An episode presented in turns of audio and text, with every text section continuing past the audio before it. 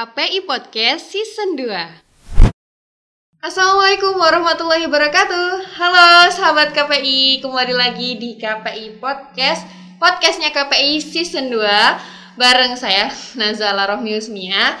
Nah ngomongin soal pandemi ini sahabat KPI Pasti sudah sepanjang uh, hampir setahun ya kita ngejalanin pandemi uh, bareng sama pandemi ini. Nah, yang jadi pertanyaan apa sih yang udah kita uh, bisa produktif selama pandemi ini?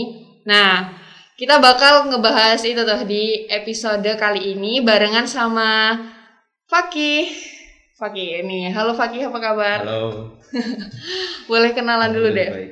Oke, uh, kenalan dulu ya. Iya, namanya Boleh kenalan ya? Nama Oh, lengkap kamu siapa sih?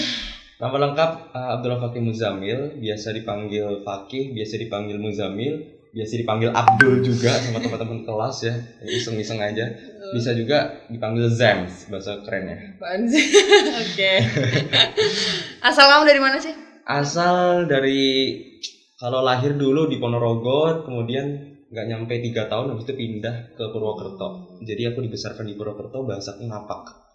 Ngapak. Kayak gitu. Ngapakers. Orang ngapak orang kepenak. Iya, FYI ini sahabat KPI. Jadi kebetulan Zela sama Fakih ini satu kelas. Kita angkatan 2020. Nah. Nah, ini ngomongin kesibukan nih Fakih. Fakih sibuk apa sih selain kuliah? Eh, untuk kesibukan sebenarnya saya nggak suka sibuk ya. saya nggak suka sibuk, saya lebih suka produktif gitu. Jadi Hmm. memang kalau untuk Hmm. ya oke lah untuk kesibukan selain kuliah, eh, alhamdulillah seperti yang mau dibahas pada kesempatan kali ini kita eh, mau bahas tentang hidroponik kan. Jadi saya punya usaha di bidang pertanian di hidroponik itu.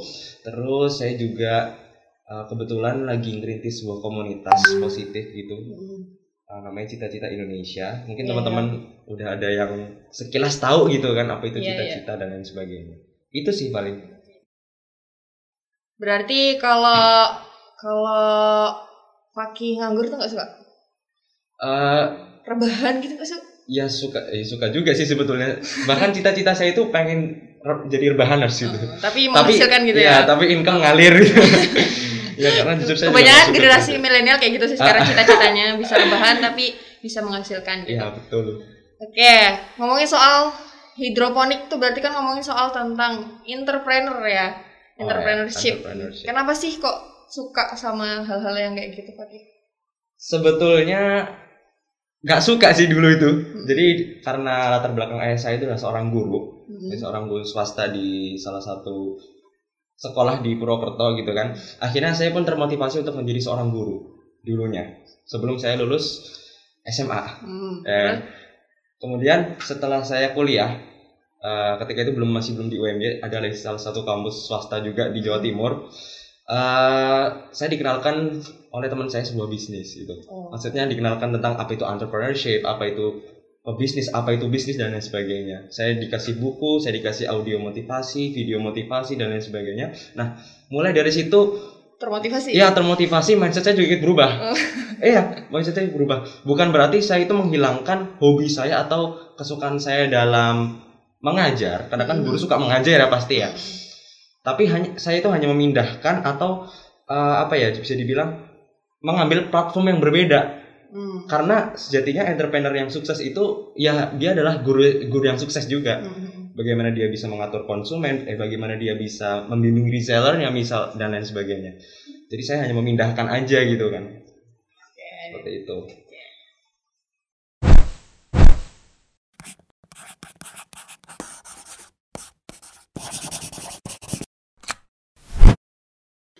Oke Fakih.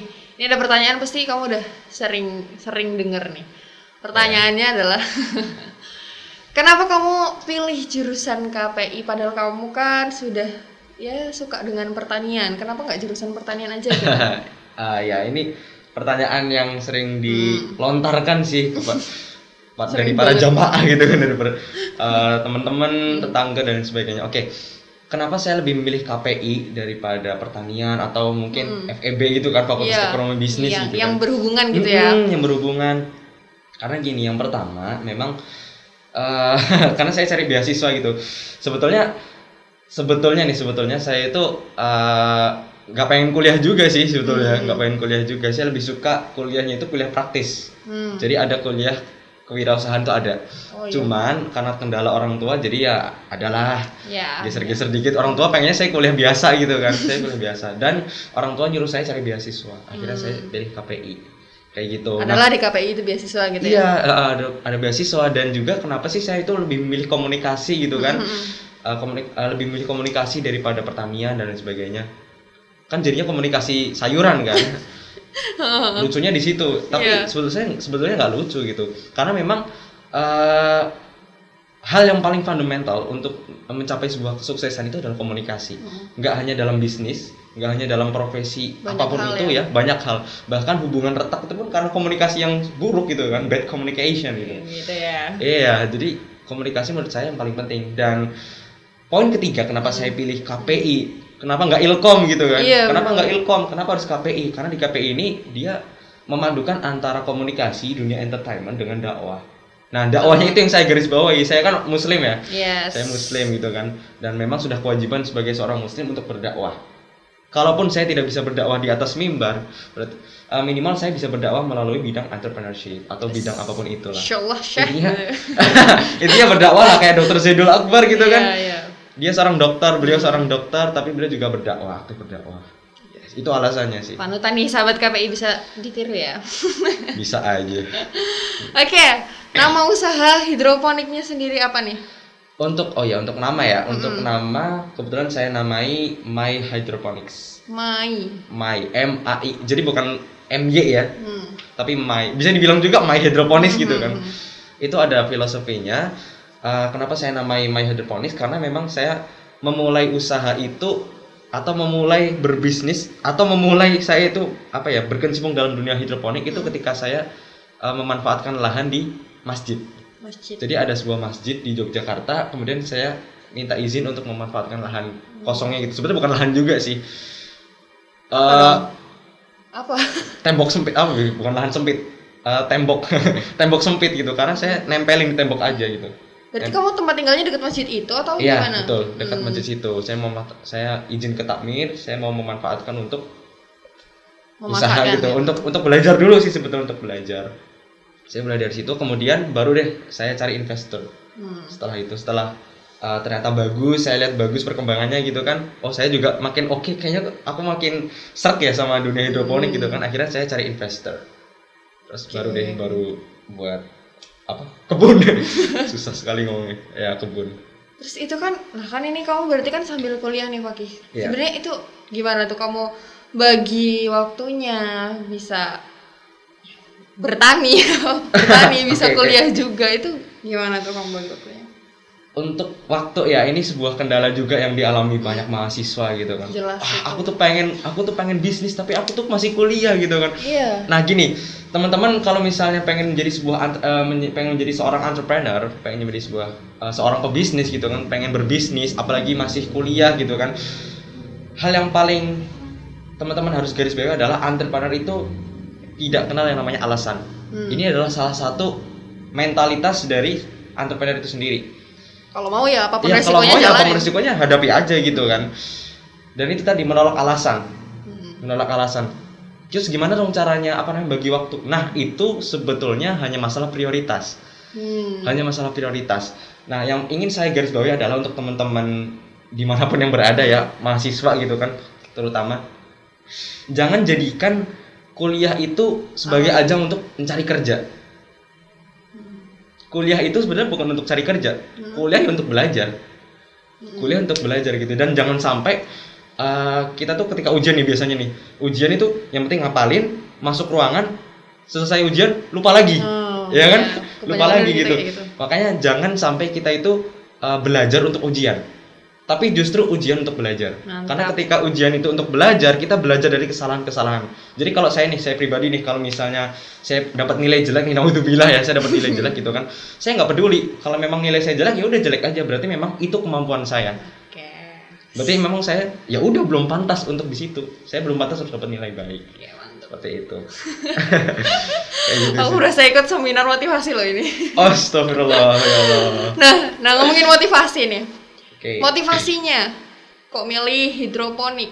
buka usaha, berani buka usaha hidroponik ini? motivasi untuk bangun hidroponik ya Mm-mm. motivasi eh, sebetulnya karena memang pertama ya kita kan lagi di masa pandemi ini motivasi pertama adalah ya karena pandemi itu sendiri saya gabut gitu kan saya pusing gitu kan apa harus ngapain ya nah saya pengen cari yang yang apa kek yang bisa nge-refresh otak gitu kan Iya. nah kebetulan saya ngelihat orang kok banyak ya eh, yang bikin bisa bikin kebun gitu kan Hmm. oh kayaknya asik nih bikin hidroponik nih Oh. yang bisa bikin kebun gitu kan tapi saya itu adalah orang eh, saya adalah apa ya milen saya itu milenial gitu kan Mm. biasanya milenial itu nggak suka yang kotor-kotor Iya benar. iya kan nggak suka yang kotor-kotor nah ada loh ternyata sistem pertanian atau sistem ya itulah ada sistem pertanian yang nggak memerlukan tanah Hmm. dengan sistem hidroponik tadi jadi bisa dibilang ya sebenarnya bersih gitu dari tanah Iya. bisa dibilang bersih dari tanah jadi karena saya suka ngeliat yang ijo-ijo gitu kan bisa refresh otak dan memang karena butuh duit juga gitu kan akhirnya ya saya membangun sebuah usaha hidroponik Tapi peluangnya sendiri, peluang keuntungan ya bisa dibilang gitu. Peluang keuntungannya dari usaha hidroponik tuh gimana?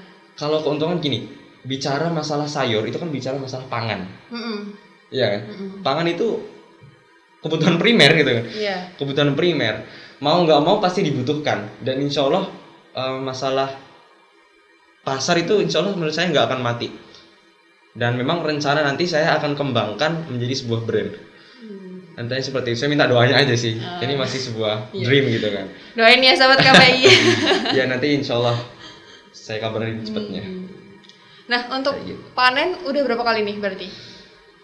panen oh iya untuk eh, lahan yang lama ya lahan sempitnya itu udah sekitar jadi kan panennya per bulan ya Mm-mm. Oh iya. Udah, iya dong per bulan dong. Saya kan nanamnya kebetulan masih selada sama ini sawi, cesim Mm. buat bakso itu loh, buat Iya, mie iya, ayam iya. itu. Itu udah sekitar kalau nggak salah empat kali, empat kali panen, empat kali panen. Dan itu berhasil semua. Ya alhamdulillah berhasil semua. Wah, di awal enggak sih, ya di awal enggak sih, di awal nggak berhasil sih gagal semua. di Gagalnya awal- tuh kenapa sayurnya? Eh, sayurnya busuk. Iya, karena saya cuman pakai ini. Jadi kan bawahnya kolam lele tuh. Hmm. Kolam lele ini saya cuman eh, ngapungin di atasnya aja gitu. Oh, gitu. Oh ternyata eh, nggak bisa kalau misalnya selada itu kayak gitu. Dan ternyata kolam Kebanyakan air gitu ya? Atau eh, enggak juga sih ternyata kolamnya itu kayak kena jamur gitu loh. Jadi lelenya pun sakit-sakitan. Wah ini pasti karena lelenya nih. Akhirnya ya udah deh saya pakai yang sirkulasi aja. Ada namanya sistemnya DFT gitu kan. Hmm. Saya pakai yang sirkulasi, pakai pompa gitu kan. Saya putar. Oh ternyata dengan cara itu saya lebih berhasil.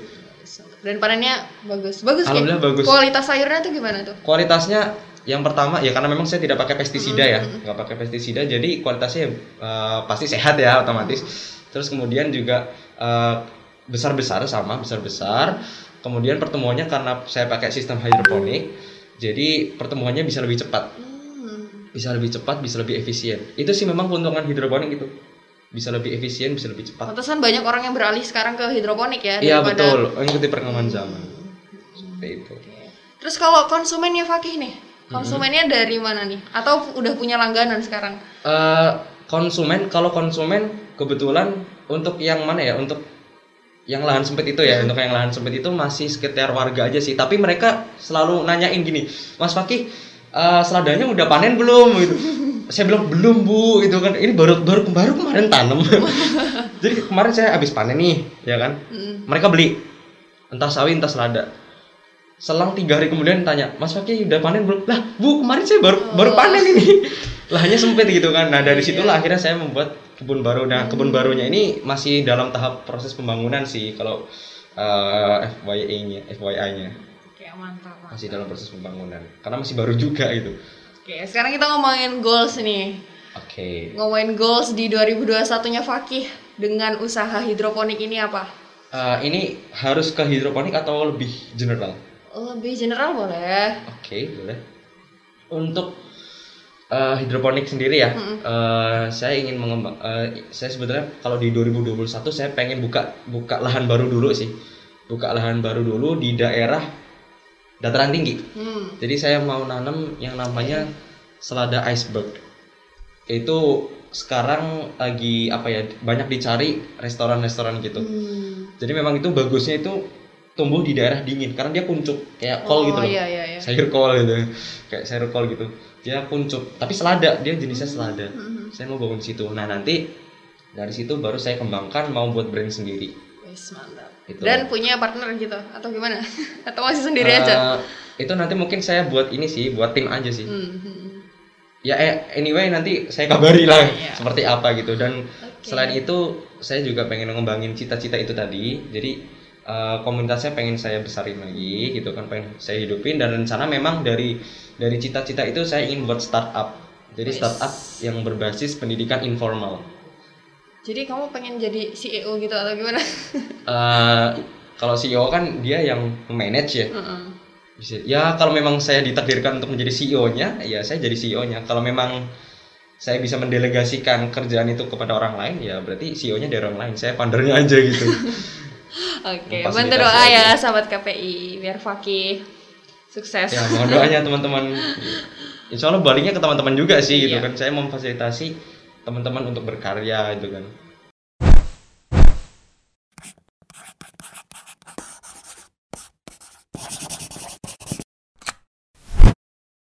Nah, oke di segmen ini kita mau ngasih eh, tips dari Fakih nih buat sahabat KPI. Gimana sih buka buat buka usaha versi Fakih?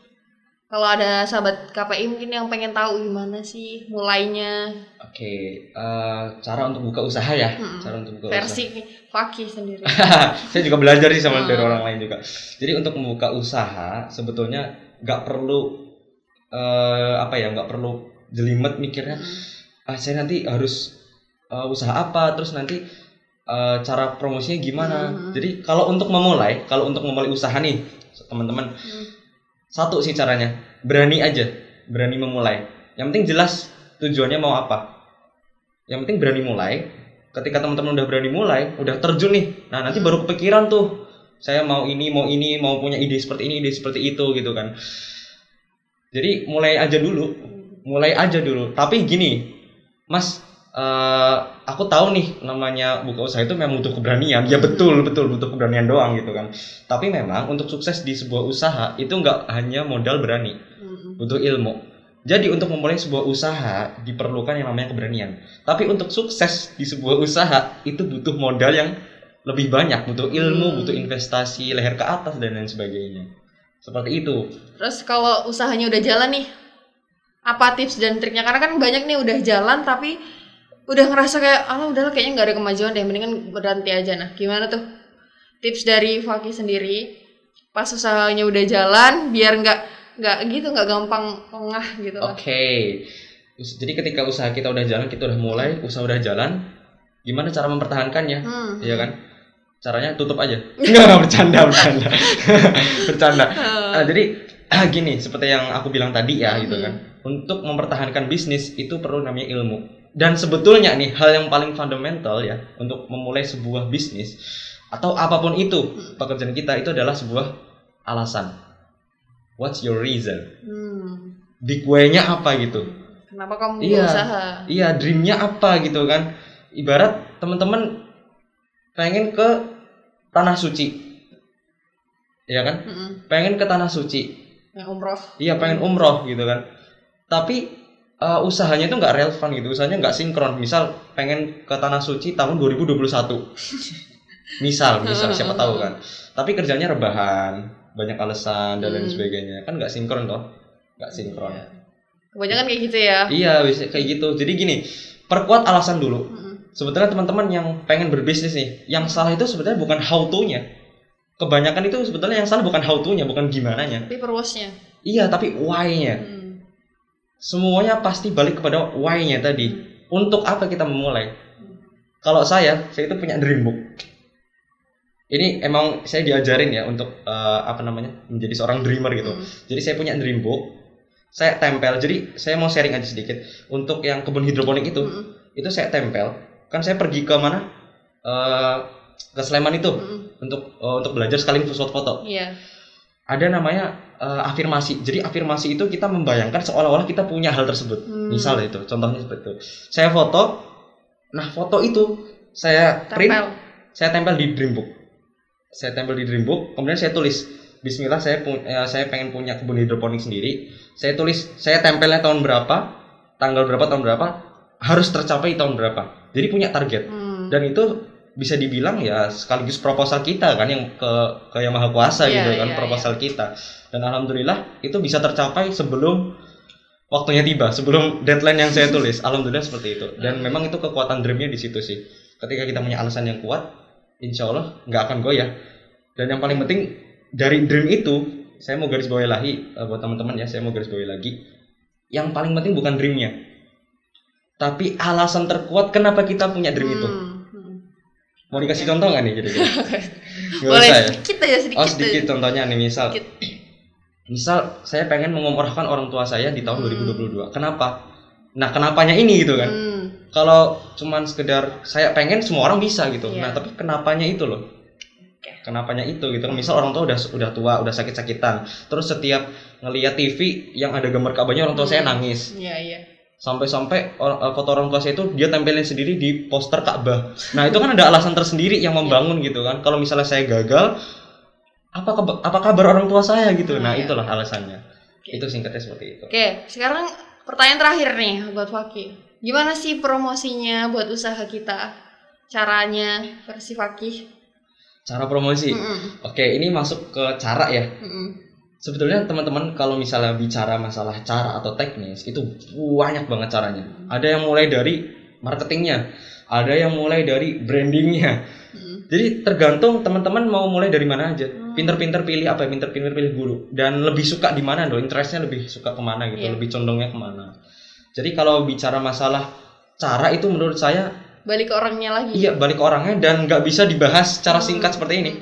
Mungkin saya cuma bisa kasih kisi-kisi bagaimana caranya uh, agar teman-teman bisa sukses gitu kan. Mm-mm. Cara promosinya lebih biasa seperti apa gitu kan. Nah, teman-teman boleh yang namanya uh, follow Instagram uh, entrepreneur-entrepreneur yang ada di Indonesia seperti Kang Dewa Eka Prayoga. Kemudian itu kalau Kang Dewa itu pakar selling ya, Hmm. pakar selling atau pakar marketing. Kemudian kalau pakar branding, saya saranin bisa ke Pak Subiakto. Itu yang uh, memegang brand-brand besar di Indonesia. Itu Pak Subiakto. Itu berpengalaman sekali itu Pak Subiakto gitu. Jadi gini, uh, untuk masalah cara, saran saya kita benahi dulu siapa yang kita follow di sosial media dan apa yang kita subscribe di sosial media juga. Itu mempengaruhi gitu. Nanti bakal ketemu sendiri kok oh caranya seperti ini, caranya seperti ini. Sekarang tuh udah banyak yang gratisan kan ilmu. Mm-mm. Cara cara marketing yang benar, cara promosi yang benar itu udah banyak. Oke. Ya kan? Caranya di situ aja sih. Karena kalau dijabarin satu-satu, waduh. Sampai Nggak subuh gitu loh. sehari ya? Iya, sampai subuh loh gitu.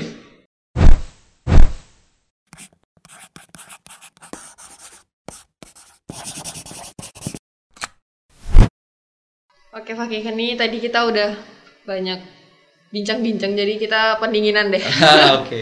pendinginan ini ada games sedikit rapid question namanya. Udah pernah dengar Rapid belum? question, enggak swab question aja gitu. Iya benar. Nah ini nanti Zala ngucapin satu kata, nanti Iya. Fakih bisa bales satu kata lain, tapi yang kira-kira ya apa sih yang dipikirin Fakih pas? Ah, Oh, Oke. ah. Oke. Oke, mulai langsung ya. Iya, Satu, dua, tiga. Entrepreneur, mental. passion, Kejar, hobi, luangkan, gengsi, buang, muda, mendunia. berani, Ambil, resiko, hadapi. KPI podcast. Wow. Mantap. nah, ini sekarang udah sebelum sila tutup nih. Oke. Mau denger closing statement dari Fakih ini buat sahabat KPI di rumah di mana pun Oke. berada. Closing statement ya. Begini, eh, buat teman-teman yang ada di rumah, yang ada di kos atau kontrakan ya. Jadi gini, hari ini kita berbicara masalah kesuksesan. Sebetulnya saya pun belum sukses dan saya nggak pengen men- eh, apa ngecap diri saya sebagai orang sukses. Saya belum sukses dan nggak akan apa ya, saya akan terus berjalan untuk menjadi seorang yang sukses gitu. Nah, saran buat teman-teman karena kita berbicara kesuksesan gitu kan, karena sukses ini sebetulnya hal yang sangat apa ya? eh Tiap orang beda-beda. Iya, tiap orang beda-beda. Nah, menurut saya adalah gini, sukses itu bukan masalah tentang materi, tentang ketenaran ataupun beli rumah, beli mobil dan lain sebagainya. No. It's all about becoming the best version of yourself. Adalah bagaimana kita bisa menjadi versi terbaik dari diri kita. Jangan sampai hari ini menjadi uh, hari hari yang lebih buruk dari hari yang kemarin. Dan kalau bisa hari esok bisa lebih baik daripada hari hari ini itu dan whatever dream you have, you must do everything to make it into reality. Apa pun dream kita, apa pun mimpi kita, kita lakukan apa pun agar mimpi kita bisa tercapai. Dan satu lagi, kalau kita ingin mendapatkan sesuatu yang belum pernah kita dapatkan, maka kita harus melakukan sesuatu yang belum pernah kita lakukan. Itu sih, lebih ke situ. itu Men-challenge diri ya? Iya, challenge untuk teman-teman semuanya. If you want to make your uh, itulah pokoknya udah cukup sih kayaknya itu aja deh. Oke, okay. thank you ya Faki udah uh -uh. mau sharing bareng. Aku uh, mungkin sahabat KPI dan Zela juga termasuk ya termotivasi lah. Oh, Berasa ya seminar motivasi nih. Uh, sharing aja sih berbagi. Apa yang saya punya aja sih. Cuman sedikit. Oke. Okay. Oke, okay, sahabat KPI, tetap stay tune terus ya di KPI Podcast bareng sama Zela masih di episode episode selanjutnya. Jangan lupa untuk subscribe channel YouTube-nya official KPU MY dan bisa dengerin juga di uh, Spotify-nya official KPU MY dan juga jangan lupa lagi buat follow Instagram official KPI UMY nih. Nah, sebelum Zela tutup, kita mau kasih tahu jargonnya nih buat sahabat KPI biar lebih semangat gitu kan. Jargon KPI ya? Iya. Nanti Zila kasih apa-apa kita bareng ya. Alright, Satu, dua, tiga. KPI UMY berilmu, beradab, berdaya guna. Wassalamualaikum warahmatullahi wabarakatuh.